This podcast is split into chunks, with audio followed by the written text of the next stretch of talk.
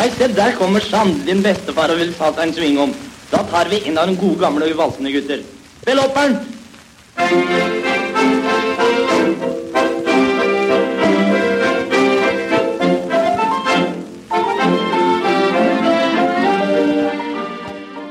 Velkommen til atter et dypdykk i sveivegrammofons verden, der vi skal høre mer om norske plateinnspillinger fra tiden før 1958, altså rett etter den yngre jernalder. Jeg heter Stig Ove Vold, og du hører på Gamle riller. Det største markedet for norske innspillinger var selvfølgelig her hjemme i Norge, men vi må vel også huske at flere norske utøvere hadde en stor produksjon i utlandet. Jeg tenker først og fremst på de mange musikerne som utvandret fra Norge til Amerika både før og etter århundreskiftet. En av de aller mest produktive het August Werner. Han var født i Bergen i desember 1893 og ble etter hvert utdannet ved landbruksskolen på Sten. Etter skolegangen reiste han ofte frem og tilbake mellom Norge og Amerika som mannskap om bord på Amerikalinjen, men en dag gikk han i land i Brooklyn, og der ble han værende.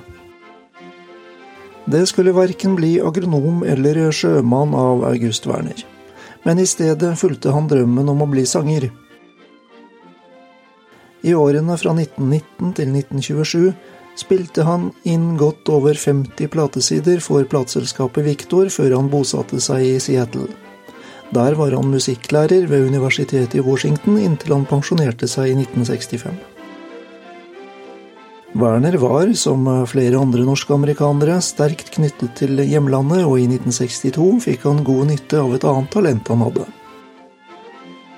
Da laget han en 16 fot høy bronsestatue av Leif Eriksson, som står i Seattle den dag i dag. I juni 1923 gikk August Werner i studio for å spille inn en melodi som hadde blitt voldsomt populær i Skandinavia på denne tiden. Melodien var komponert av danske Elit Worsing, mens teksten var laget av Ludvig Brandstrup til tivolirevyen Byen rundt med linje 1920 sommeren 1920. Dette er for øvrig et godt eksempel på at man for å få med alle versene på litt over tre minutter på en gammel steinkake, måtte sette opp tempoet. Her hører vi altså norsk-amerikaneren August Werner med Sov dukke Lise.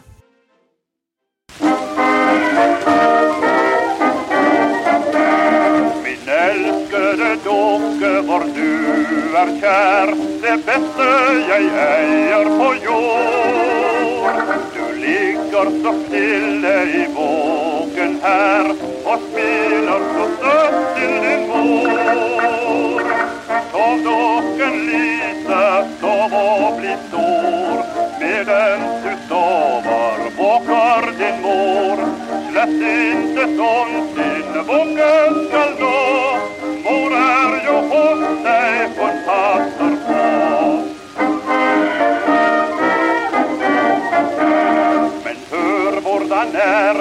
bær deg av hver dag når vi kjører en tur. Du rødmer og nikker og blir så glad fordi dukken Peter gjør kur. Nei, dukken Lise, vet du du hva? Giftes med ham, nei, det blir ikke av. Han er jo sydd av en nei, han er du slett ikke si noe for deg. Så gret du blott ikke min egenskap, nu har du jo fått dine tjen. Nå kysser du mamma og sier god natt, og så er vi venner igjen.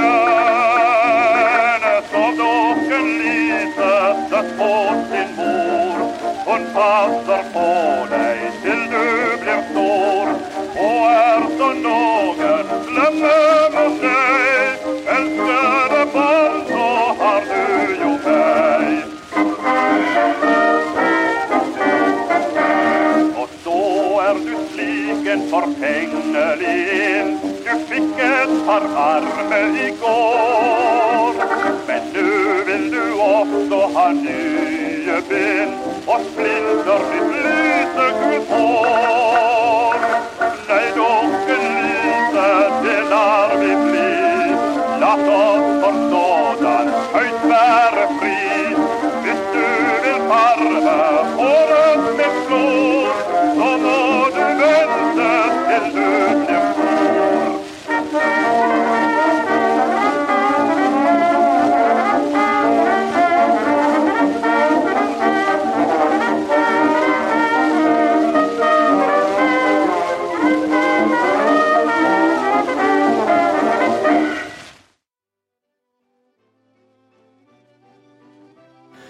skal holde oss i Amerika og se litt nærmere på to søstre som riktignok ikke var født i Norge, men som var døtre av norske emigranter.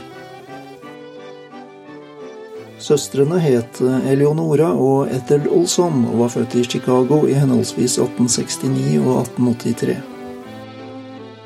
Fra 1905 og 20 år fremover var Olsson-søstrene svært populære i det skandinaviske emigrantmiljøet, og de foretok utallige turneer i Midtvesten med en blanding av musikk og komedie. Kanskje var de mest kjent for å tulle med den litt pussige språkforvirringen som oppsto da hele samfunn ble formet av svenske, danske og norske emigranter, og hvor man etter beste evne forsøkte å gjøre seg forstått på engelsk. Således ville nok både Thor Heyerdahl og Jens Stoltenberg følt seg i godt selskap. I tillegg til språkets viderverdigheter syntes Olsson-søstrene det også var morsomt å tulle med kulturforskjellene som måtte oppstå når innbarkede nordmenn fra et dalsøkk på Vestlandet skulle legge grunnlaget for et nytt liv med familien på prærien. De bisarre situasjonene som oppsto i den nye hverdagen, ble flittig kommentert av Eleonora og Ethel på en lang rekke fonografruller og 78-plater.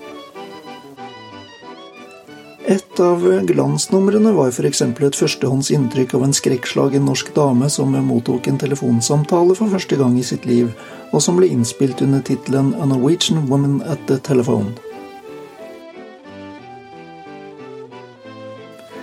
Til tross for at søstrene aldri hadde vært utenfor landets grenser, behersket de en lang rekke norske dialekter.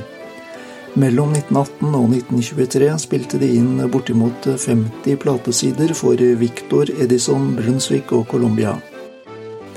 Titler som 'Laughing Girl Has Her Picture Took', 'The Larson Kids Go Bathing' og 'The Piano Lesson' ble allemannseie.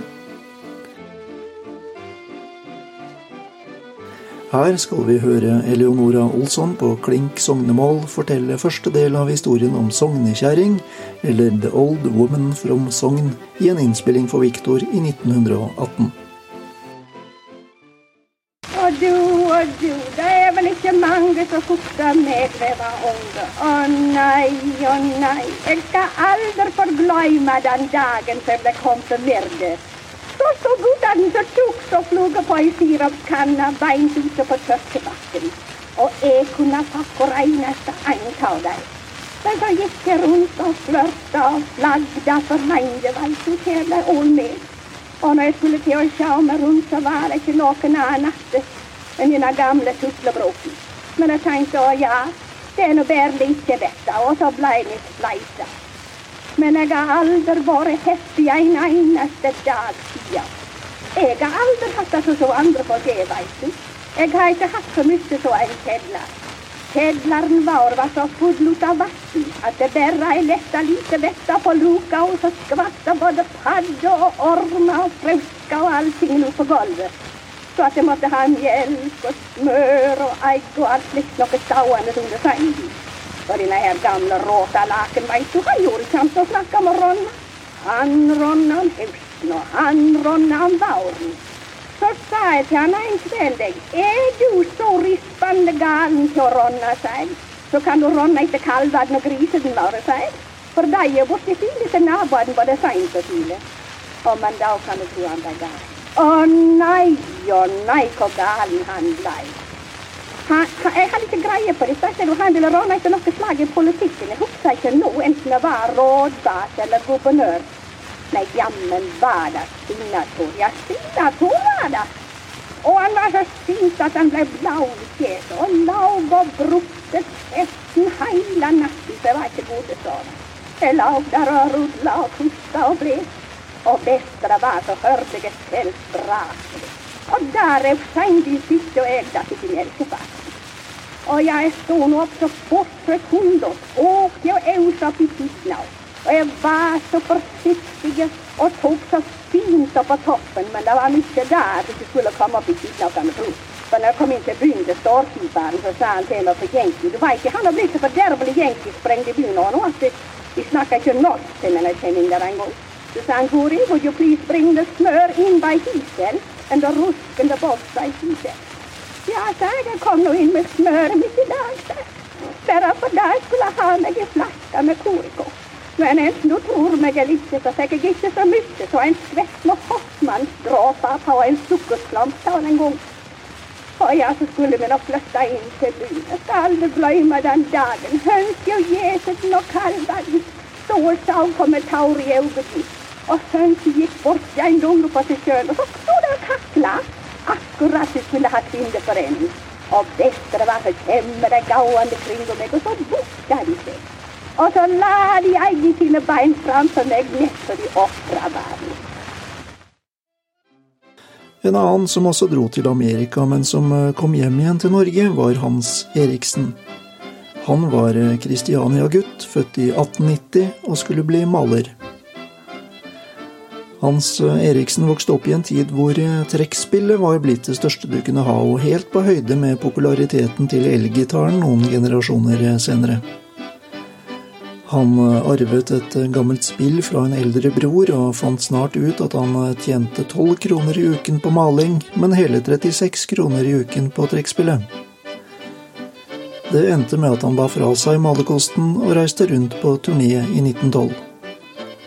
Året etter tok han med seg kameraten Henry Eriksen til Amerika, og spilte fra det ene norske emigrantmiljøet til det andre. I Amerika kalte de seg bare Eriksen Brothers, til tross for at de slett ikke var i slekt. Tilbake i Norge fortsatte Hans Eriksen å spille, og allerede i 1918 etablerte han sitt eget konsertbyrå. Tidlig ble han kjent som trekkspillkongen. Årsaken var etter eget utsagn at han delte fornavn med kongen, Hans Eriksen og Hans Majestet. Gjennom et langt liv komponerte han langt over 100 melodier, og den aller første ble til i et inspirert øyeblikk under den første amerikaturneen i 1913. Han kalte melodien Farmerliv, og spilte den første gang inn sammen med Henry Eriksen for plateselskapet Grammofon sommeren 1915. Melodien tjente han 60 kroner på, og snart begynte ungene i Norge å lage sin egen tekst på den iørefallende melodien du skal få sukkertøy, og du skal få lade. På midten av 1950-tallet tilføyde Alf Prøysen noen ord til det lille tøyseverset og trykket det i det første bindet av Mitt skattkammer, der han var en av redaktørene. Deretter skrev Erling Krogh en hel liten sang på melodien til Farmerliv, og lot Gunnar Engedal og Erling Stordal spille den inn for Odeon i 1960 under tittelen Sukkertøy og lade. Men her hører vi altså Hans Eriksens eh, trekkspillkvartett spille Farmerliv i en versjon fra 1932. Mot eh, slutten av melodien får vi også et godt eksempel på et fenomen som er ukjent blant eh, folk under 40, nemlig hakk i plata.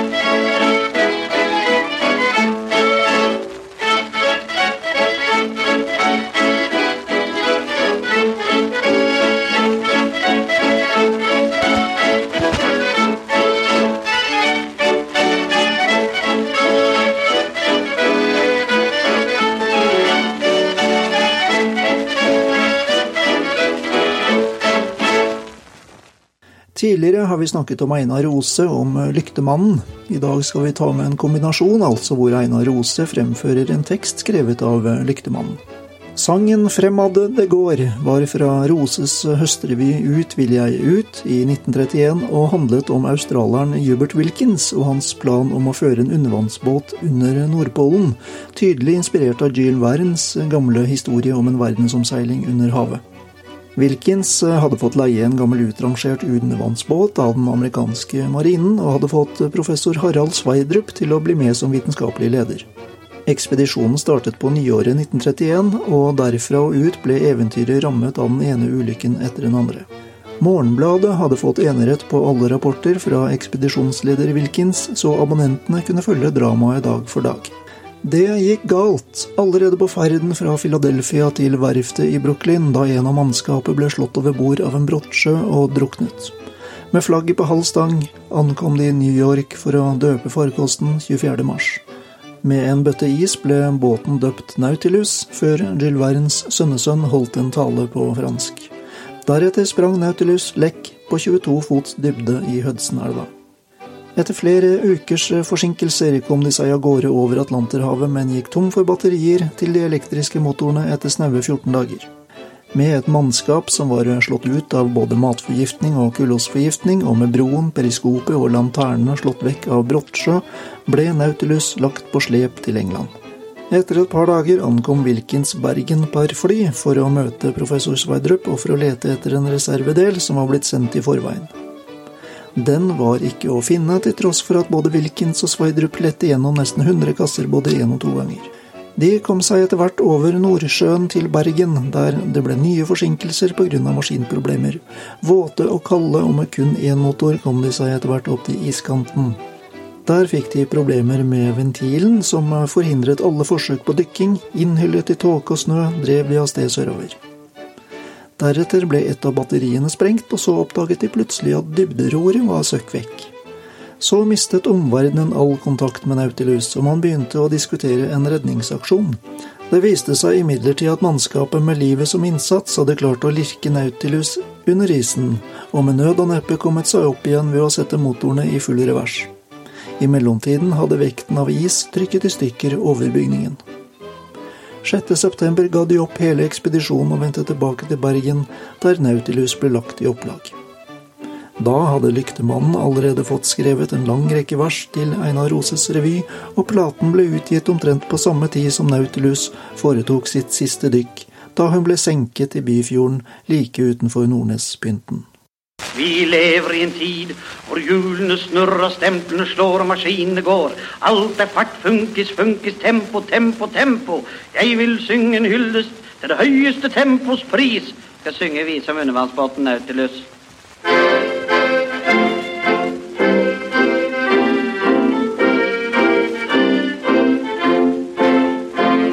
Jeg har kjøpt en liten båt som heter Nautibus.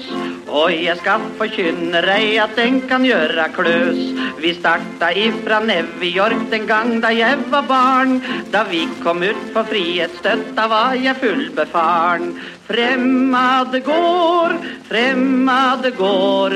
Nå har vi vært ute i 14 år. Hvilken sted er gutten sin som manøvrere kan? I forgårs var vi nede på halvannen meter vann. Men farten under vannet ble dessverre ganske kort.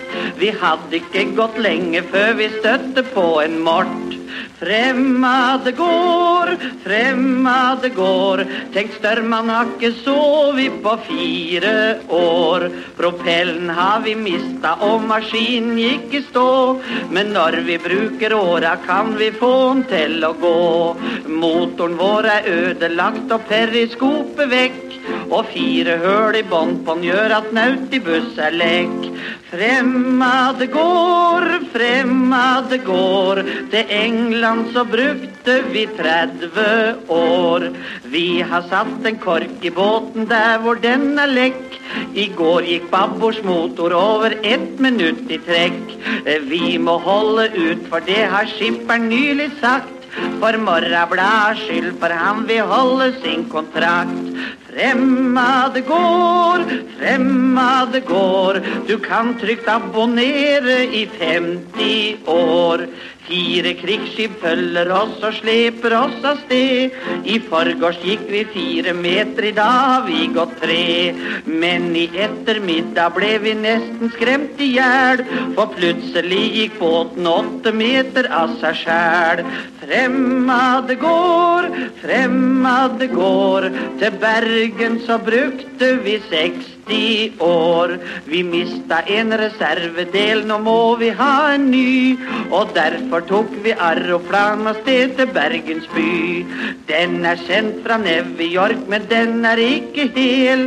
Nei, broder Ola Johnsen, han har valgt en bedre del. Fremmede går, fremmede går, vi skal få en ny gjennom 20 år. På Polen skulle jeg møte Ekner med sin Zeppelin. For noen og 30 år siden starta han ifra Berlin. Tenk han blei forlova samme kvelden som han for. Men hvis han skulle vente, så blei kjæresten bestemor. Menneskets spår med nautibus rår. Vi kommer til Polen om hundre år. Helt eh, til slutt i programmet skal vi ta med et ønske fra en lytter som etterlyser innspillinger av tekster som ble skrevet av hans eh, bestefar. Her er det snakk om ingen ringere enn Peter Magnus. Peter Magnus ble født i Oslo i 1915, og opprinnelig hadde han tanker om å bli eh, jurist. Etter et år i Amerika var engelskkunnskapene blitt såpass fremtredende at moren så monn i å la sønnen hjelpe henne med oversettelser av bøker fra engelsk til norsk, og Peter fant raskt ut at han egnet seg til formålet. Etter hvert skaffet han seg en post som medarbeider i Dagbladet, men etter krigen ble det flere og flere oversetteroppdrag for Gyldendal, og har du lest noe som helst på norsk av Graham Greene, Ernest Hemingway eller John Steinbeck, er sjansen overhengende for at du har befattet deg med et resultat av Peter Magnus Flid som en ordets mester. I tillegg til en enorme produksjon av oversettelser og ikke minst egne bokprosjekter, fikk han også klemt inn tid til å skrive noen få visetekster i løpet av krigsårene. En av disse tekstene kalte han Det er ikke det, og hvor Sven Lange komponerte melodien. Sven Lange husker vi som dramatiker, oversetter, komponist, produsent og hørespillmester fra radio. Han var en habil pianist, og blant komposisjonene han huskes for, er Silvo Ple, som med Per Lillo Stenbergs tekst tok en tredjeplass i Melodi Grand Prix i 1961, og som senere ble spilt inn av De Lillos. Sven Lange sto også bak de norske versjonene av Postmann Pat, Det var en gang et menneske og Bjørn Kollargoll. Det er ikke det, het altså verket, og det ble innspilt 13.2.1947 av 23 år gamle Inger Jacobsen og utgitt på Musikaetiketten. Jacobsen hadde platedebutert allerede i 1941 med to melodier fra filmen om den forsvunne pølsemaker. Slagerdronningen Inger Jacobsen skal vi absolutt snakke mer om i et senere program, og her synger hun altså Det er ikke det, akkompagnert av Øyvind og Sverre Bergs orkester. Ellers er det bare å sende inn kommentarer og plateønsker på Facebook-siden til Gamle Riller, og glem heller ikke å besøke Facebook-gruppen 78-plater og fonografruller hvis du er interessert i samling av gamle 78-plater. Vi høres igjen om 14 dager. På gjenhør.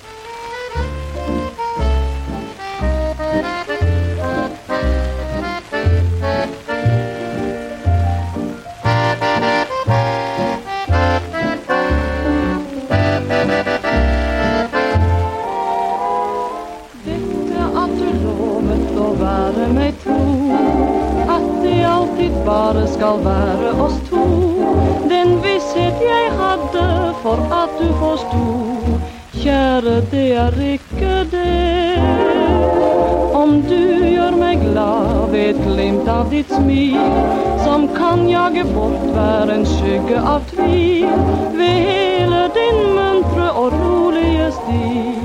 Kjære, det er ikke det. De rare ting du gjør, ditt lysende humør, din evne til å finne ord. For tanker som du gjerne deler med meg, de lar meg ikke elske